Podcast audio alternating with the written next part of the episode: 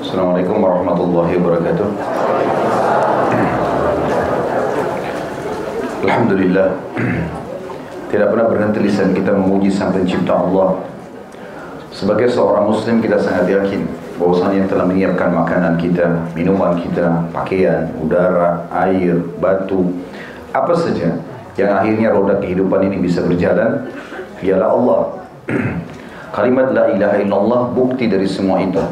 Tidak ada Tuhan, pencipta, pemilik, penguasa, semua yang di langit, semua yang di bumi, semua yang di kedalaman lautan kecuali Allah. Dan kita yakini, kita jalankan dalam kehidupan kita sehari-hari kalimat ini dan kita hidup dan mati di atasnya. Allah sebagai pencipta telah menyiapkan semua fasilitas itu dan menyuruh kita untuk menikmati dan juga berterima kasih kepadanya. Bahasa agama kita terima kasih ini syukur. Siapa yang bersyukur dengan menikmati semua fasilitas tersebut, maka Allah akan tambah untuknya. Dan kalimat syukur ini Allah rangkumkan rangkumkan di satu kalimat yang mudah untuk diucapkan yaitu alhamdulillah. Maka jadilah orang yang selalu membasahi dan bibirnya dengan kalimat ini. Selanjutnya kita panjatkan salam hormat kita kepada utusan sang pencipta Allah yaitu Nabi besar Muhammad sallallahu alaihi wasallam yang telah membawa kepada kita hukum halal haramnya Allah sehingga kita punya panduan hidup dan tentu dengan harapan mengejar janji Allah satu kali ucapan salam hormat ini dibalas oleh Allah dengan 10 kali tambahan rahmat. Melanjutkan bedah buku kita kiat-kiat hijrah dari kemaksiatan dan istiqamah dalam ketaatan bukan ditulis oleh Muhammad bin Abdullah Ad-Duwaish dan kita sudah sempat membuat atau membahas pasal atau bab pertamanya. Hanya saja ingin saya titik beratkan kembali bahwasanya ada hal yang luput dari banyak orang yaitu ibadah kepada Allah Subhanahu wa taala punya kenikmatan. Jangan pernah berpikir Bapak Ibu sekalian kalau Anda istiqomah di jalan Allah mulai tutup aurat, mulai sholat, mulai mengkritik pendapatan mana yang halal dan haram sehingga anda hanya fokus kepada halal. Dan anda menghindari yang haram mulai menerapkan syariat Allah subhanahu wa ta'ala dalam kehidupan lalu merasa dirinya akan jauh daripada kenikmatan dunia ini ataupun mungkin akan hilang darinya sebagian rezeki. Ini semua pemahaman yang keliru. Ibadah punya kenikmatan dan di balik kenikmatan itu Allah juga menjanjikan banyak sekali pahala dan juga rezeki. Tidak akan mungkin salah janji Allah Subhanahu wa taala. Kalau di antara Anda yang mengatakan, "Ustaz, saya sudah coba hijrah menjadi orang yang diberikan dengan agama, tapi banyak proyek yang luput dari saya." Perasaan pekerjaan ini itu saya tidak bisa kerjakan karena banyak syubhat dan haramnya. Maka saya akan menjawab Bapak Ibu sekalian, sebenarnya Allah lah yang menyelamatkan Anda dari semua jenis pekerjaan tersebut. Coba keluar dari tempat-tempat yang memang syubhat atau haram ini dan Anda fokus mencari sambil meminta petunjuk kepada Allah mana tempat dan pekerjaan yang sesuai yang Allah inginkan. Banyak sekali orang tadinya dari kemaksiatan, kemudian dia minta petunjuk kepada Allah SWT, menceritakan kepada saya pun, ternyata dia akhirnya alihkan ke travel haji dan umroh dari usaha-usaha yang haram, akhirnya bisa mengurus jemaah bolak-balik ke Mekah dan dia merasa tenang serta digantikan oleh Allah SWT pendapatannya. Berapa banyak orang yang tadinya pendapatannya haram, lalu kemudian dari sisa-sisa uang halal dia buka restoran dan Allah berkahi dan seterusnya. Allah Subhanahu wa taala pasti benar dengan janjinya. Allah menjanjikan orang yang beriman dan beramal saleh dalam surah At-Talaq ayat 2 dan ini di dalam surah At-Talaq surah nomor 65 ini empat ayat berturut-turut janji Allah ada di situ. Bagi orang yang bertakwa atau orang yang patuh dan coba istiqamah di atas agama Allah. Di ayat 2-nya di akhir ayat 2 Allah mengatakan a'udzubillahi minasyaitonir rajim wa may yattaqillaha yaj'al lahu makhraja. Siapa yang bertakwa kepada Allah, makna takwa patuh. Allah halalkan dia nikmati, Allah haramkan dia jauhi. Allah perintahkan dia kerjakan, Allah orang dia jauhi. Maka Allah mengatakan Allah akan berikan kepadanya makhraja. Kalau teman-teman lagi umrah di Mekah atau di Madinah, di hotelnya, coba perhatikan tangga darurat Kalau kita mau jalan lewat tangga, lift lagi mati misalnya terjadi kebakaran, ada tulisan dalam bahasa Arab. Biasanya kalau bahasa Inggris kan exit ya. Bahasa Arabnya itu mim, kha, ra, jim. Bacanya makhraj. Kenapa digunakan kalimat itu? Karena itu tangga darurat untuk menyelamatkan dari kebakaran tadi, gitu kan? Allah menggunakan kalimat ini mengatakan, "Wa may yattaqillaha yaj'al lahu makhraja." Tidak mungkin salah. Allah mengatakan siapa pun yang bertakwa pasti Allah akan berikan makhraja. Solusi jalan keluar dari permasalahannya. Kalau kita kerja di sebuah tempat haram, kita tinggalkan. Allah kasih pasti yang pekerjaan halal. kita meninggalkan perzinahan, Allah akan kasih pasangan yang halal. Apa pun yang kita tinggalkan yang buruk, kita akan dialihkan kepada yang baik. Itu janji Allah di At-Talaq ini. Dan ini diyakini oleh ribuan bahkan miliaran manusia orang-orang beriman dari zaman Nabi SAW sampai menjelang hari kiamat nanti.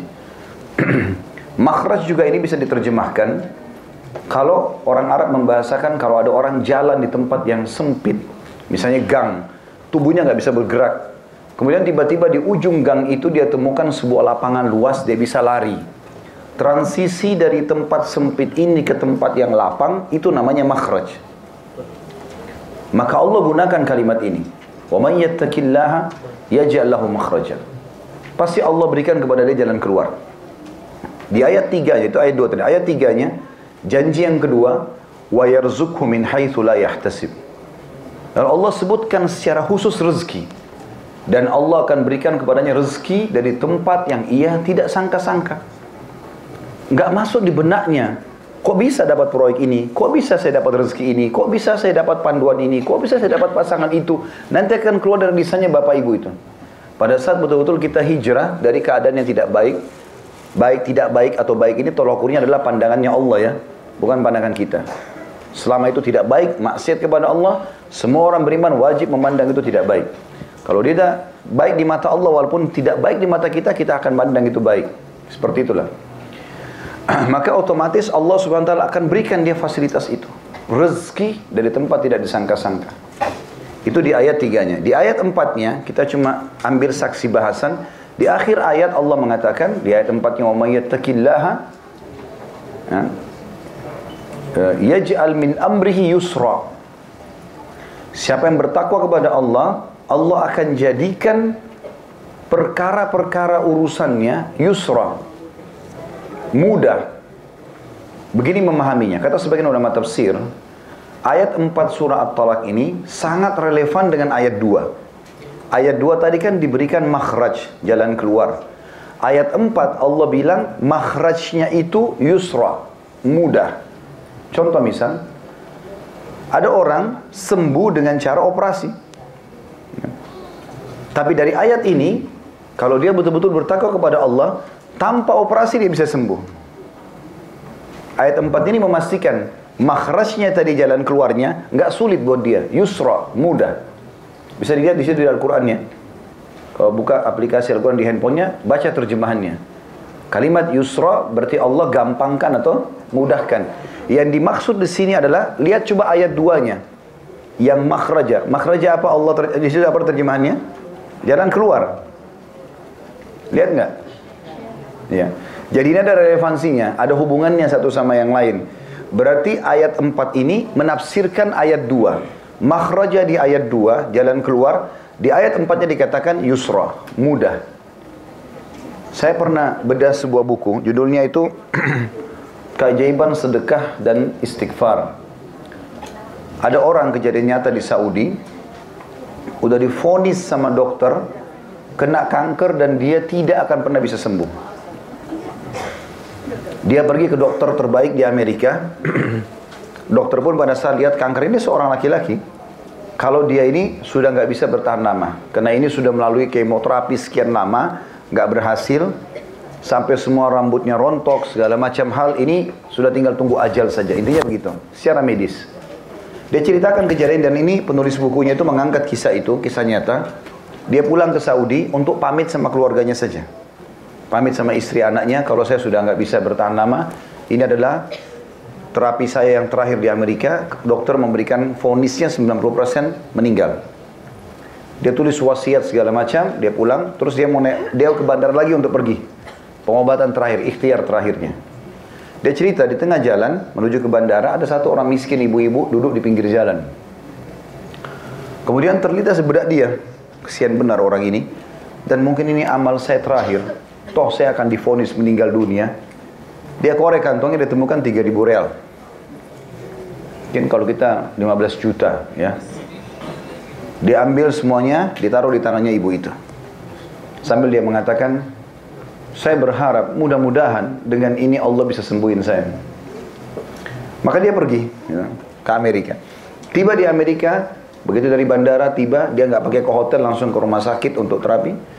Dan pada saat dan ini semua recordnya dia, laporan dia sudah ada, reportnya sudah ada di uh, rumah sakit. Begitu dicek kembali, ternyata semua kanker dia bersih.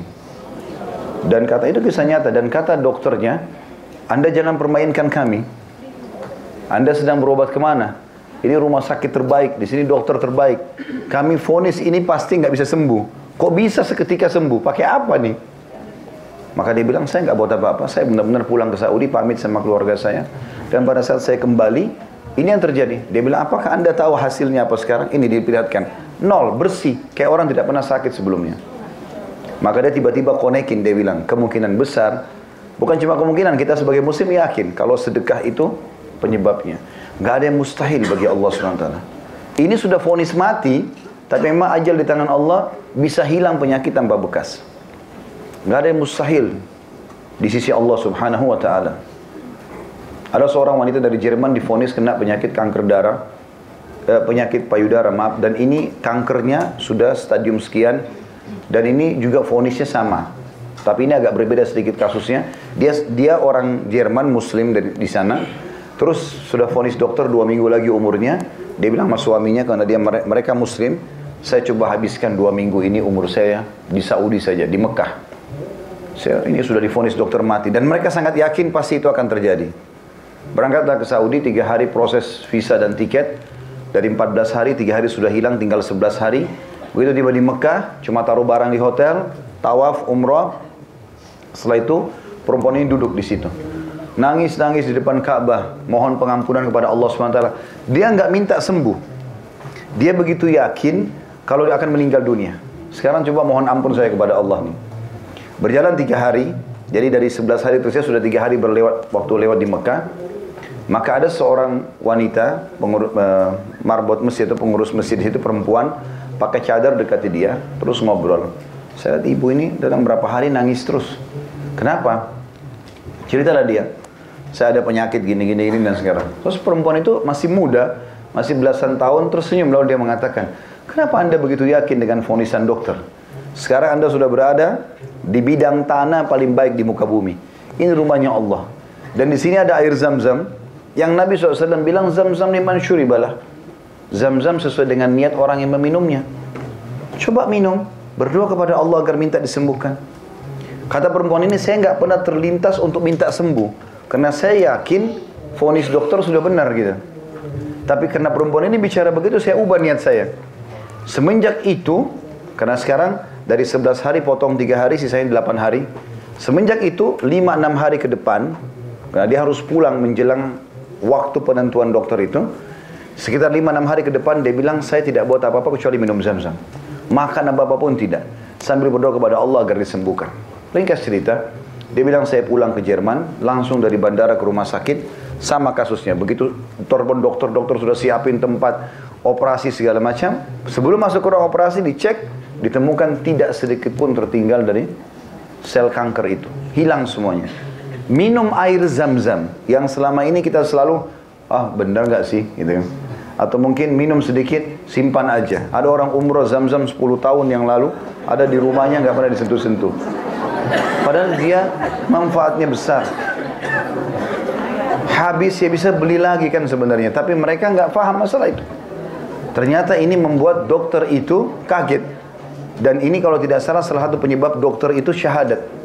Ya, dokternya dia syahadat, tadinya agama Katolik karena melihat keajaiban ini. Dan terlalu banyak kisah-kisah yang berhubungan dengan hal-hal yang seperti ini. Jadi Allah bilang di ayat 4 At-Talaq tadi, Allah akan jadikan urusannya mudah. Di ayat limanya, di ayat lima at-talaq, tapi ini janji yang keempat. Wa may yattaqillaha yukaffir anhu sayyiatihi wa yu'zim lahu. Siapa yang bertakwa kepada Allah, dia istiqamah, dia hijrah, dia coba istiqamah, Allah akan maafkan semua kesalahannya yang lalu dan Allah akan lipat gandakan pahalanya ke depan. Jadi apa pun yang dia buat akan berlipat ganda pahalanya. Ini janji luar biasa ini. Dari Allah SWT.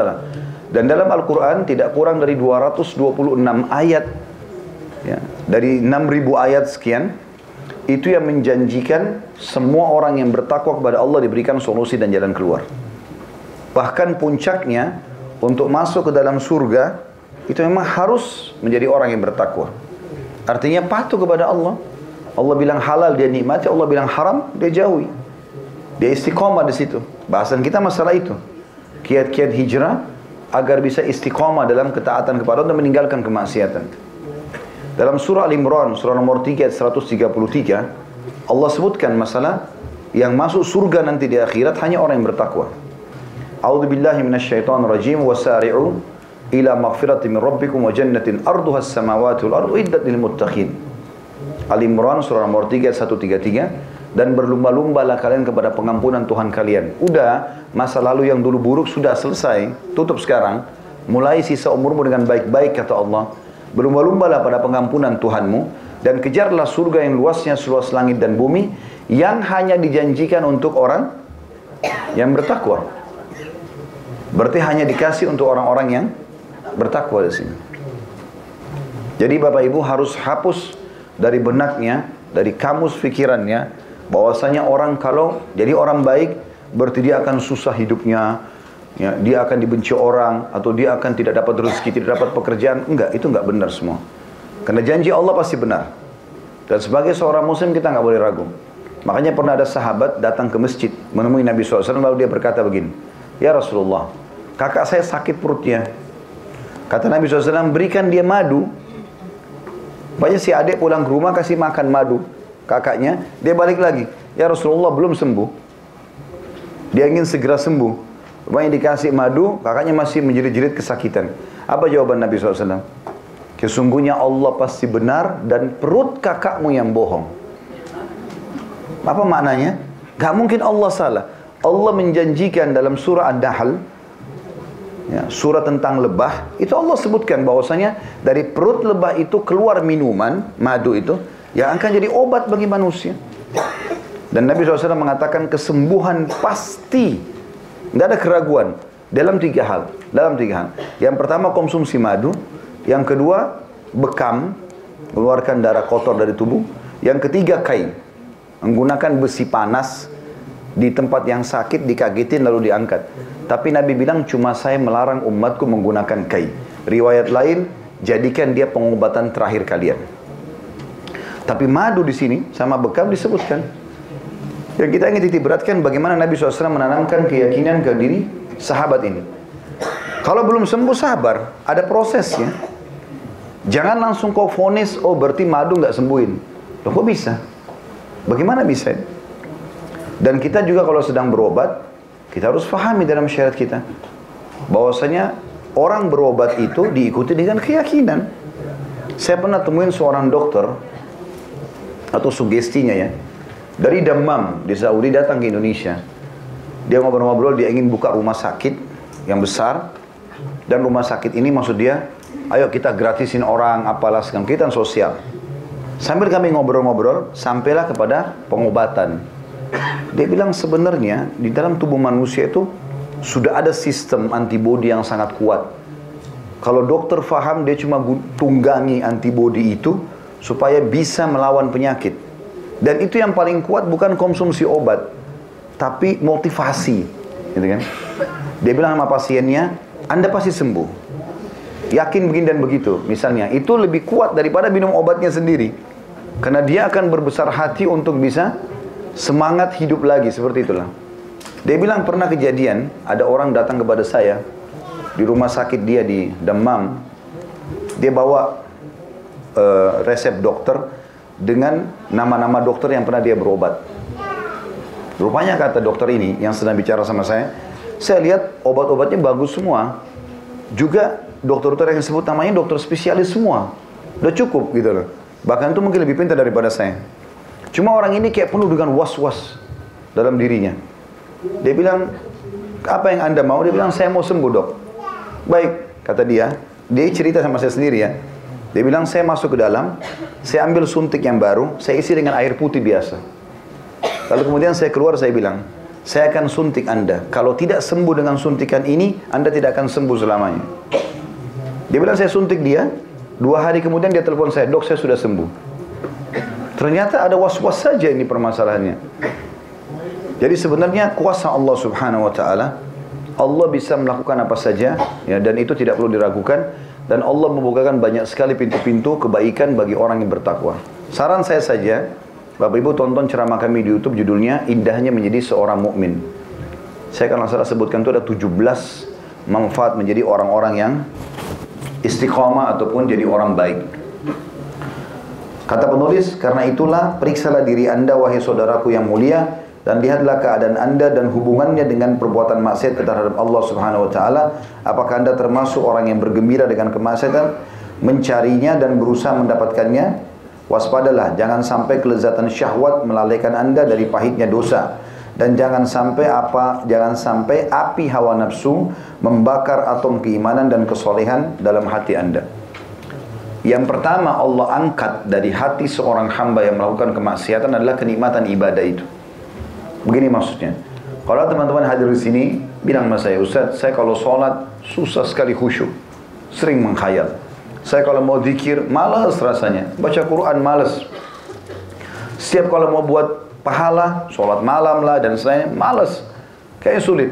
Tapi kalau buat maksiat, itu mudah. Apa yang sedang terjadi? Anda memang sedang diangkat nikmat, kenikmat, sedang Allah angkat nikmat ya kenikmatan ibadah itu karena maksiat yang dibuka. Itu yang paling pertama Allah angkat. Jadi Allah nggak langsung butain matanya orang bermaksiat. Allah misalnya patahin kakinya bisa saja Allah lakukan. Allah buat dia keluar ditabrak mati bisa saja. Tapi Allah maha penyayang dengan hamba-hambanya Allah berikan tahapan. Cuma tahap pertama ini berat sekali. Maksudnya adalah kalau orang buat dosa akan diangkat kenikmatan ibadah darinya. Jadinya tidak nikmat lagi ibadah itu. Padahal sebenarnya itu nikmat yang sangat besar. Bisanya kita sujud, mohon kepada Allah, menangis, kita baca Quran rasanya nggak mau berhenti. Kalau berdoa rasanya nggak mau menutup doanya, selalu ingin komunikasi sama Tuhannya. Itu mahal sekali dan itu yang pertama hilang kalau orang buat maksiat.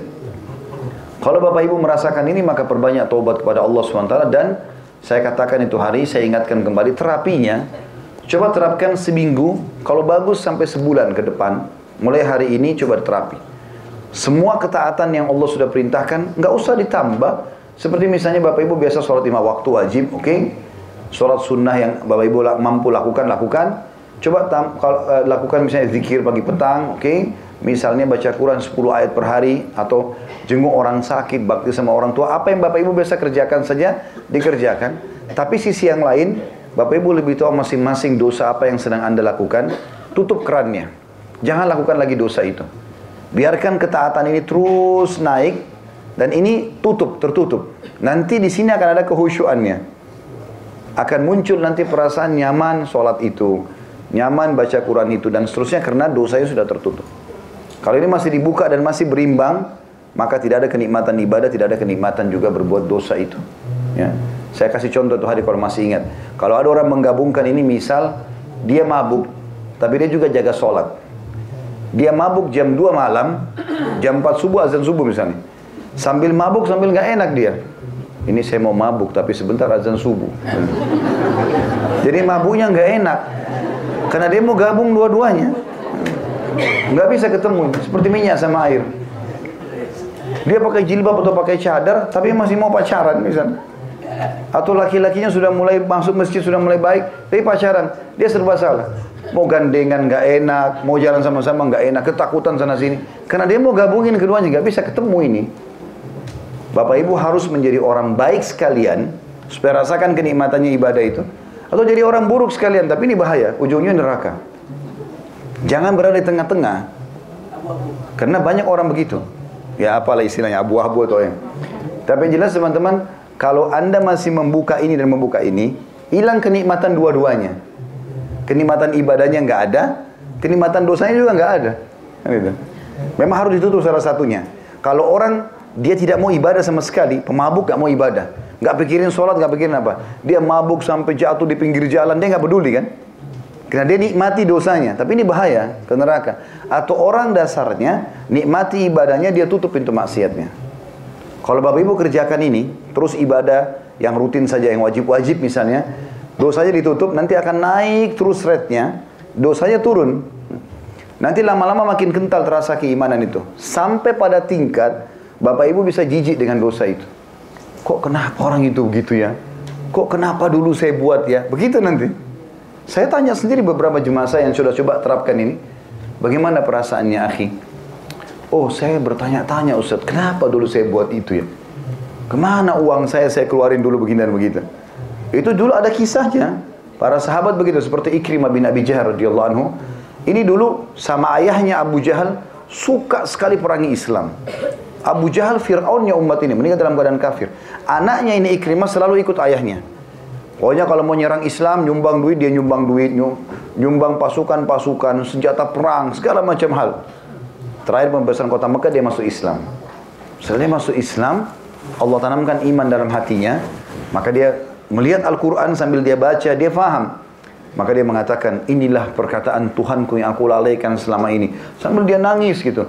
Lalu dia mengatakan, ya Rasulullah, sebagai bukti, bukti keimanan saya, dan pembersihan terhadap kesalahan saya yang lalu, maksudnya supaya jangan ada bekasnya, maka saya akan berinfak di jalan Allah sebesar dulu saya infak untuk memerangi agama Allah ini. Maka dia menebus kesalahannya dulu dengan membayar infaknya. Misal dulu dia sering Naudzubillah, mudah-mudahan sih tidak. Tapi ada orang sering traktir temannya di diskotik, perzinahan, hotel dia bayarin segala macam. Sekarang bentuk taubatnya dia harus bersihkan itu. Kira-kira supaya dia bisa rasakan kenikmatan imannya. Kira-kira dulu saya biasa bayarin orang berapa sih? Sedekahin sejumlah itu walaupun dicicil. Dengan niat membersihkan itu. Insya Allah akan hilang.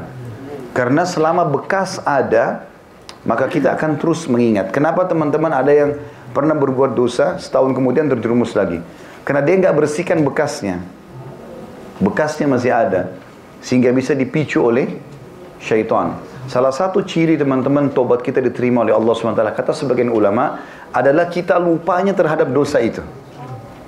Misal contoh, orang pernah tonton, naudzubillah film porno yang tidak benar, kemudian dia tonton. Terus dia tobat sekarang. Kalau kapan dia satu waktu ada pemicu untuk nonton lagi, kemudian dia lupa, dia tidak tahu ini cuplikan apa. Itu berarti dulu tobatnya sudah diterima karena dia sudah lupakan, bekasnya pun hilang. Seperti itulah. Ini harus dilakukan. Mirip juga ini contoh yang lain ya, kalau kita mau minta maaf sama orang. Minta maaf sama orang teman-teman, tidak bisa dengan ucapan maaf saja. Coba hilangkan sesuatu pemicu yang membuat dia masih dendam sama kita. Contoh, kita pegang se seember air, niatnya mau dibuang air itu ya. Le kita mau buang di depan rumah kita, lewat seseorang, kita tidak niat melempar air ke dia, tapi lewat, terus kita siram, kena dia. Apa yang harus kita lakukan? Minta maaf. Cukup sampai situ? Bajunya basah. Masalahnya. Kalau kita cuma bilang, maafin saya ya, nggak cukup. Coba tawarin lebih jauh daripada itu. Ada bekas loh. Bajunya basah, saya gantiin baju lain ya. Kalau dia betul-betul sudah mengatakan, udah nggak apa-apa, saya sudah maafin, clear. Nggak ada masalah. Kita nggak akan ada beban itu. Contoh saja. Seperti itulah kurang lebih gambaran apa yang kita ingin titik beratkan ini.